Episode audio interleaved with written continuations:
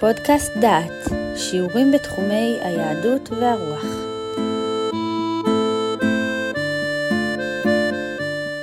ברוכים הבאים לפודקאסט דעת, לקורס ירמיהו ותקופתו.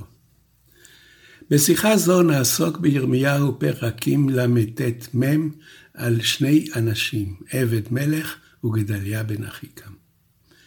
מדבר אליכם יהודה אייזנברג, ואני מקווה שתהנו מן הדברים.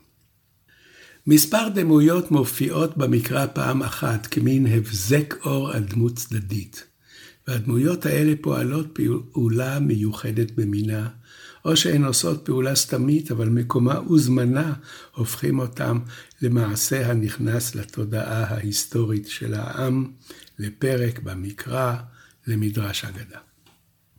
אחת מדמויות אלה היה בן האישה השונמית שחיה אלישע. פעמיים מופיע בן זה במקרא, וירד לתהום הנשייה, וגם חרבונה זכור לטוב.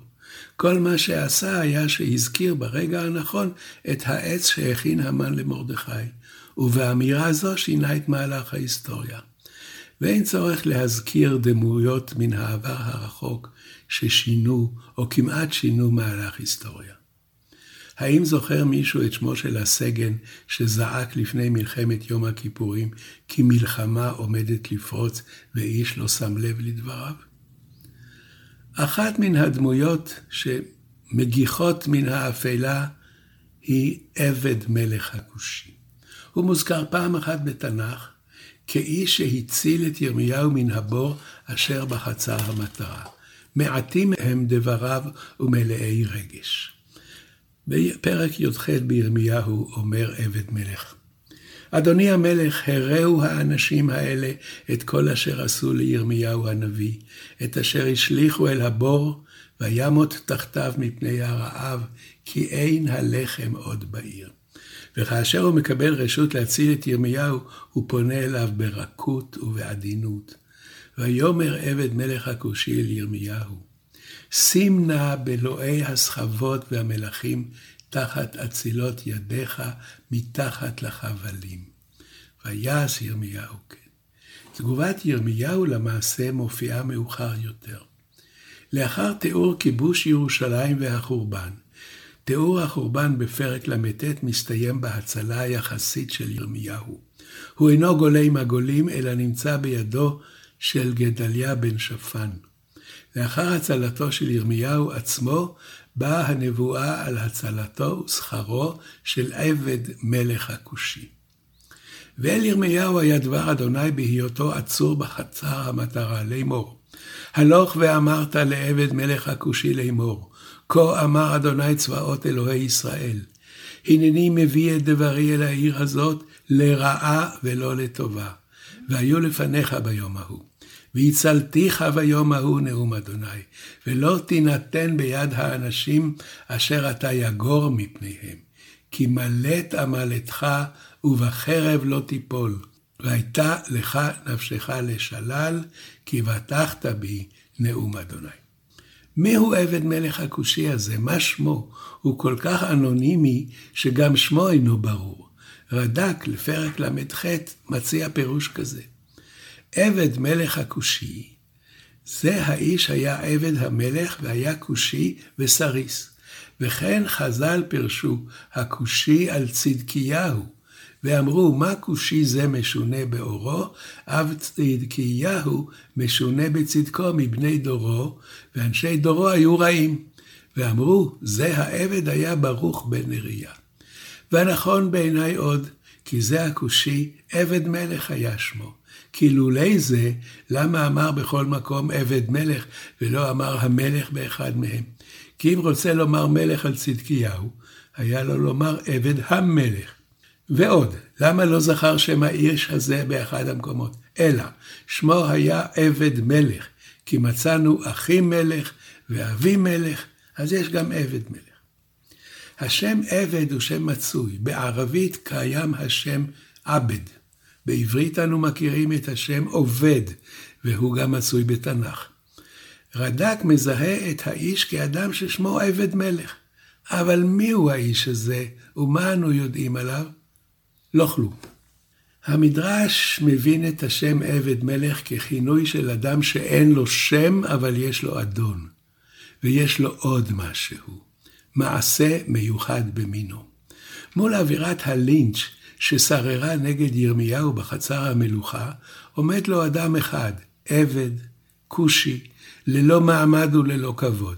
והאיש הזה עושה מעשה שלא יאומן, הוא חושב. ושעה שהכל זועקים ירמיהו בוגד, מתבונן העבד הכושי הזה מן הצד וחושב, המלך והשרים טועים. והוא מעז לפנות אל המלך ולומר לו דברים שמלך אינו אוהב לשמוע. אדוני המלך, הראו האנשים האלה את כל אשר עשו לירמיהו הנביא. האנשים האלה הם לא פחות ולא יותר מאשר השרים, קבוצת השלטון של צדקיהו. אם תרצו, זו הממשלה החוקית הפועלת ברשות ובסמכות המלך. ועומד לו עבד כושי, ואומר למלך במילים ברורות, השרים שלך הראו לעשות. ובמשפט קצר זה, חדל העבד הכושי להיות עבד אנונימי, והוא נכנס לזיכרון הקולקטיבי של האנושות כולה, כאדם חושב שאינו פוחד מן השררה. וחז"ל, כדרכם, משלימים במשפט קצר את דמותו של האיש הזה, וכך נאמר בפסיקתא, וישמע עבד מלך הכושי, הוא היה אחד מארבעה בני אדם שנקראו כושים, ציפורה, אשת משה, וישראל, ושאול, ועבד מלך הכושי. ולמה נקרא שמו כושי? אלא כשם שהכושי ניכר באורו, כך היה ניכר במעשיו הטובים בתוך פלטרין של צדקיהו. העבד הופך להיות אחד מארבעה מיוחדים, ציפורה אשת משה, עם ישראל, שאול המלך. יש עוד אדם שזכה לכבוד כזה? מדוע? כי היה ניכר במעשיו הטובים בתוך פלטרין של צדקיהו, האיש הטוב בארמון. ומדרש נוסף משלים את התיאור, הנה הוא. תשעה נכנסו בחייהם לגן עדן, כפי אמונתנו, ולא טעמו טעם מיתה. בנימין בן יעקב, כלאב בן דוד, סרח בת אשר, בתיה בת פרעה, אליעזר עבד אברהם, עבד מלך הכושי, ועוד שלושה. מה פירוש הדבר שעבד מלך הכושי לא טעם טעם מיתה? הסברנו זאת לפני רגע.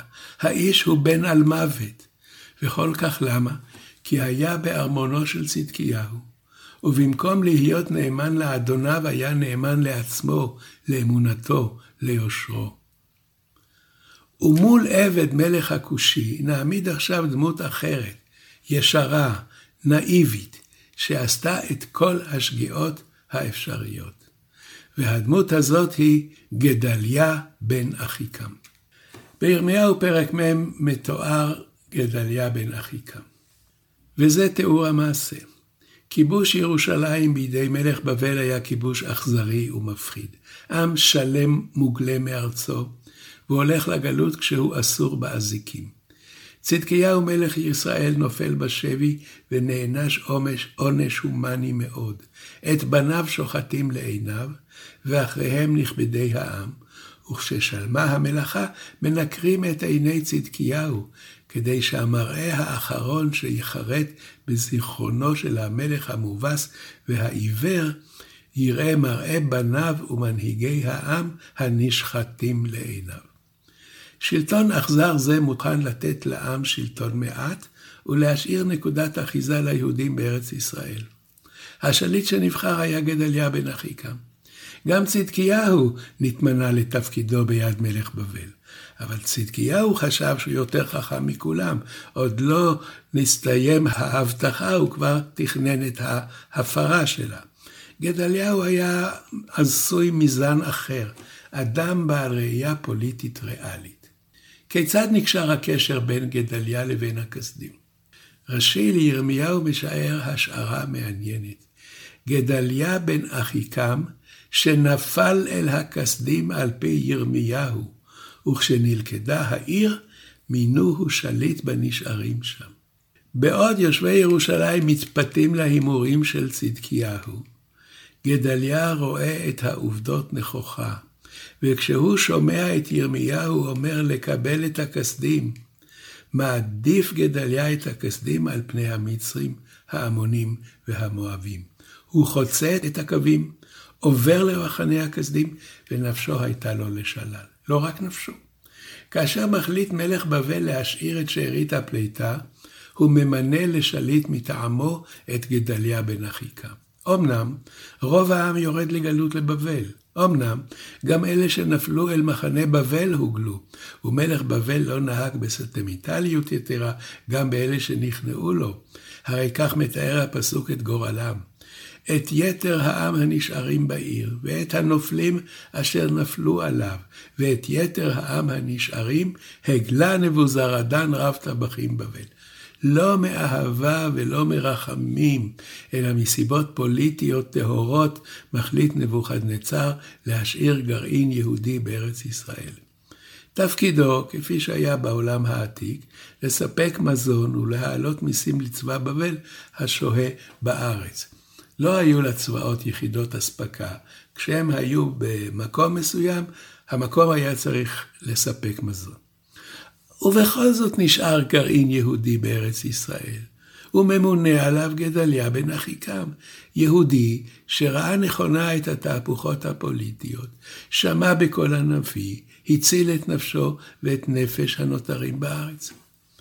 ושמועות רעות מתחילות להגיע. ויוחנן בן קרח וכל שרי החיילים אשר בשדה באו אל גדליהו המצפתה, במצפה הוא ישב. ויאמרו אליו, הידוע תדע כי בעליס מלך בני עמון שלח את ישמעאל בן נתניה להכותך נפש? ולא האמין להם גדליה בן אחיקם. אני מתאר לעצמי שהתשובה של גדליה ליוחנן בן קרח, זה לא יכול להיות, מה אתה רוצה, אנחנו לא, אנחנו לא אויבים בכלל.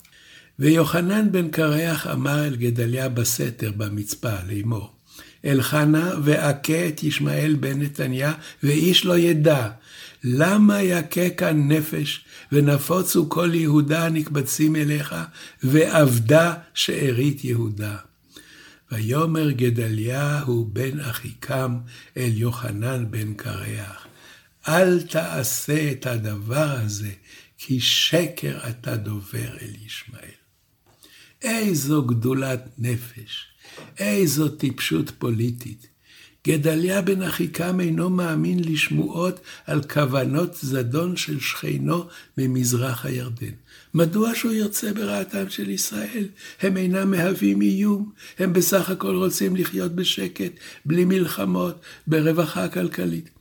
נכון הדבר שבזמן נפתח היו להמונים תביעות טריטוריאליות, אבל מאז עברו שמונה מאות שנים. והם שכחו את העבר. יתרה מזו, הרי בני עמון כרתו ברית עם צדקיהו נגד נבוכדנצר. איך אפשר לחשוד בידידים כל כך קרובים? ההמשך ידוע. ישמעאל בן נתניה בא ועמו עשרה חיילים. הם מכים את גדליה ואת כל היהודים אשר היו איתו, ואת הכסדים אשר נמצאו שם, את אנשי המלחמה. גם את המשמר הכסדי הם הרגו. התלמוד מאיר הערה סרקסטית על גדליה בן אחיקם. וכך כתוב בתלמוד במסכת נידה.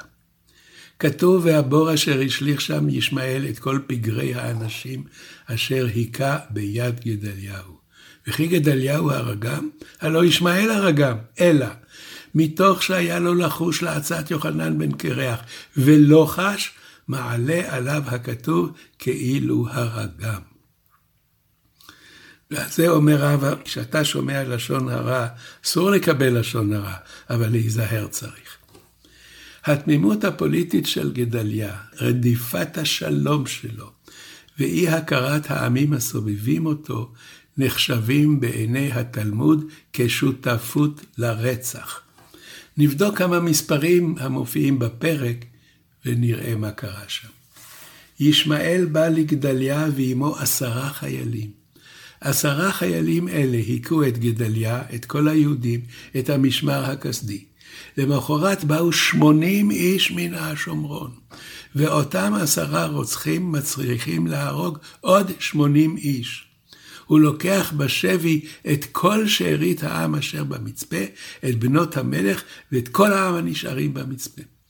מנהיג צבאים מבריק זה, המנצח ללא אבידות עם רב, בורח כאשר יוחנן בן קרח יוצא מולו. לא מתוארת כל מלחמה, רק נחישות של יוחנן ואנשיו לשמור על שארית הפליטה. רק רואים הם את יוחנן בן קרח ואת שרי החיילים אשר עמו, והגיבור הגדול נמלט ועמו שמונה אנשים. שניים חסרים, אולי נהרגו, אולי ברחו לכיוון אחר. אני רוצה לדמות את גדליה בן אחיקם לאדם אחר בתקופה דומה לסוף בית ראשון. חמש מאות שנים אחר כך. הימים הם ימי סוף בית שני. יהודי מחליט לסכסך בין הקיסר לבין הקהילה היהודית. מקובל היה להקריב קורבנות לכבוד הקיסר, וסירוב להקריב הראה על קרע בין שני הגופים. אדם זה, בר קמצא היה שמו, הלך לקיסר ואמר, מרדו בך היהודים. שלח קורבן ותראה שלא יקריבו אותו. לקח בר קמצא את הקורבן, הטיל בו מום, והביאו לכהנים להקריבו. קורבן בעל מום פסול להקרבה. התלבטו החכמים מה לעשות, הרי אם לא מקריבים את קורבן הקיסר, זו הכרזת מלחמה. הצעה הראשונה הייתה להקריב בכל זאת את הקורבן, ולא להסתכסך עם הקיסר. היה שם חכם, זכריה בן אבקולוס, זכריה בן אבקולוס, צריך לזכור את השם הזה, שאמר, אם נקריב קורבן בעל מום, יתחילו כולם להקריב קורבנות בעלי מום. חושש לקדושת המקדש. הציעו הצעה שנייה יותר רדיקלית, אולי נרצח אותו, שלא יוכל ללכת לקיסר ולדווח שלא הקרבנו. אמר רבי זכריה, יאמרו שמי שמטיל מום בקורבן חייב מיתה. ועכשיו פאוזה, נבדוק את הסיטואציה. לא להקריב את קורבן הקיסר זה מרד. מרד מביא אסון לאומי, הרומאים היו חזקים פי כמה מהיהודים. ההצעה הראשונה להקריב קורבן פסול בגלל הסכנה הלאומית. אמר רבי זכריה, אנחנו מערערים את דיני הקורבנות. כולם יקריבו בעלי, בעלי מום. סליחה, איך ידעו כולם? מדוע לפרסם? ההצעה השנייה הייתה חריפה, לרצוח את האיש. והוא לא יוכל לדווח. הוא פצצה מתקתקת. הוא רוצה לגרום לאסון לאומי. אמר רבי זכריה, אבל הציבור יחשוב שהוא הוצא להורג בגלל שהטיל מום בקורבן. סליחה, רבי זכריה, כאשר רוצחים אדם כזה, לא עושים זאת בכיכר העיר לכל תופים. מרעילים, יוזמים תאונה, שולחים לו... מדוע הריגת אדם כל כך מסוכן תגיע למסקנה שהוא נהרג בגלל שהטיל מום בקורבן? רבי זכריה היה אדם דומיננטי. והחכמים לא העזו לחלוק על דעתו. הקורבן לא הוקרב, הקיסר הסיק שהיהודים מרדו בו, והסוף ידוע. חכמי הדור לא העזו למתוח ביקורת על רבי זכריה, שתפיסתו את ההלכה הביאה למלחמה עם הקיסר ולחורבן המקדש. עד שקם רבי יוחנן בן זכאי ואמר, ענוותנותו של רבי זכריה בן אבקולס החריבה את ביתנו ושרפה את היכלנו והגליתנו מארצנו. רבי יוחנן היה איש המניפולציות. הוא ראה שהמרד מוליך לחורבן, יצא מירושלים בניגוד לדעתם של מנהיגי המרד. התלווה לאספסיאנוס וקיבל ממנו רשות לחדש את לימוד התורה, יבנה וחכמיה. הוא גם ידע למתוח ביקורת חריפה על רבי זכריה בן אבקולס, שהקפדנות שלו הביאה אותו לשיתוק, כמו שהיושרה חסרת הבסיס של גדליה בן אחיקם, הביאה אותו לשיתוק שלא להאמין לאזהרה. מי הרס את הסיכוי האחרון ליישוב יהודי בארץ ישראל אחרי החורבן? ישמעאל בן נתניה ועמו עשרה חיילים, או גדליה תמים דרך שאינו מקבל לשון הרע. שמעתם שיעור מתוך הקורס ירמיהו ותקופתו, מאת פרופסור יהודה אייזנברג. את הקורס המלא וקורסים נוספים ניתן לשמוע באתר דעת במדור פודקאסט.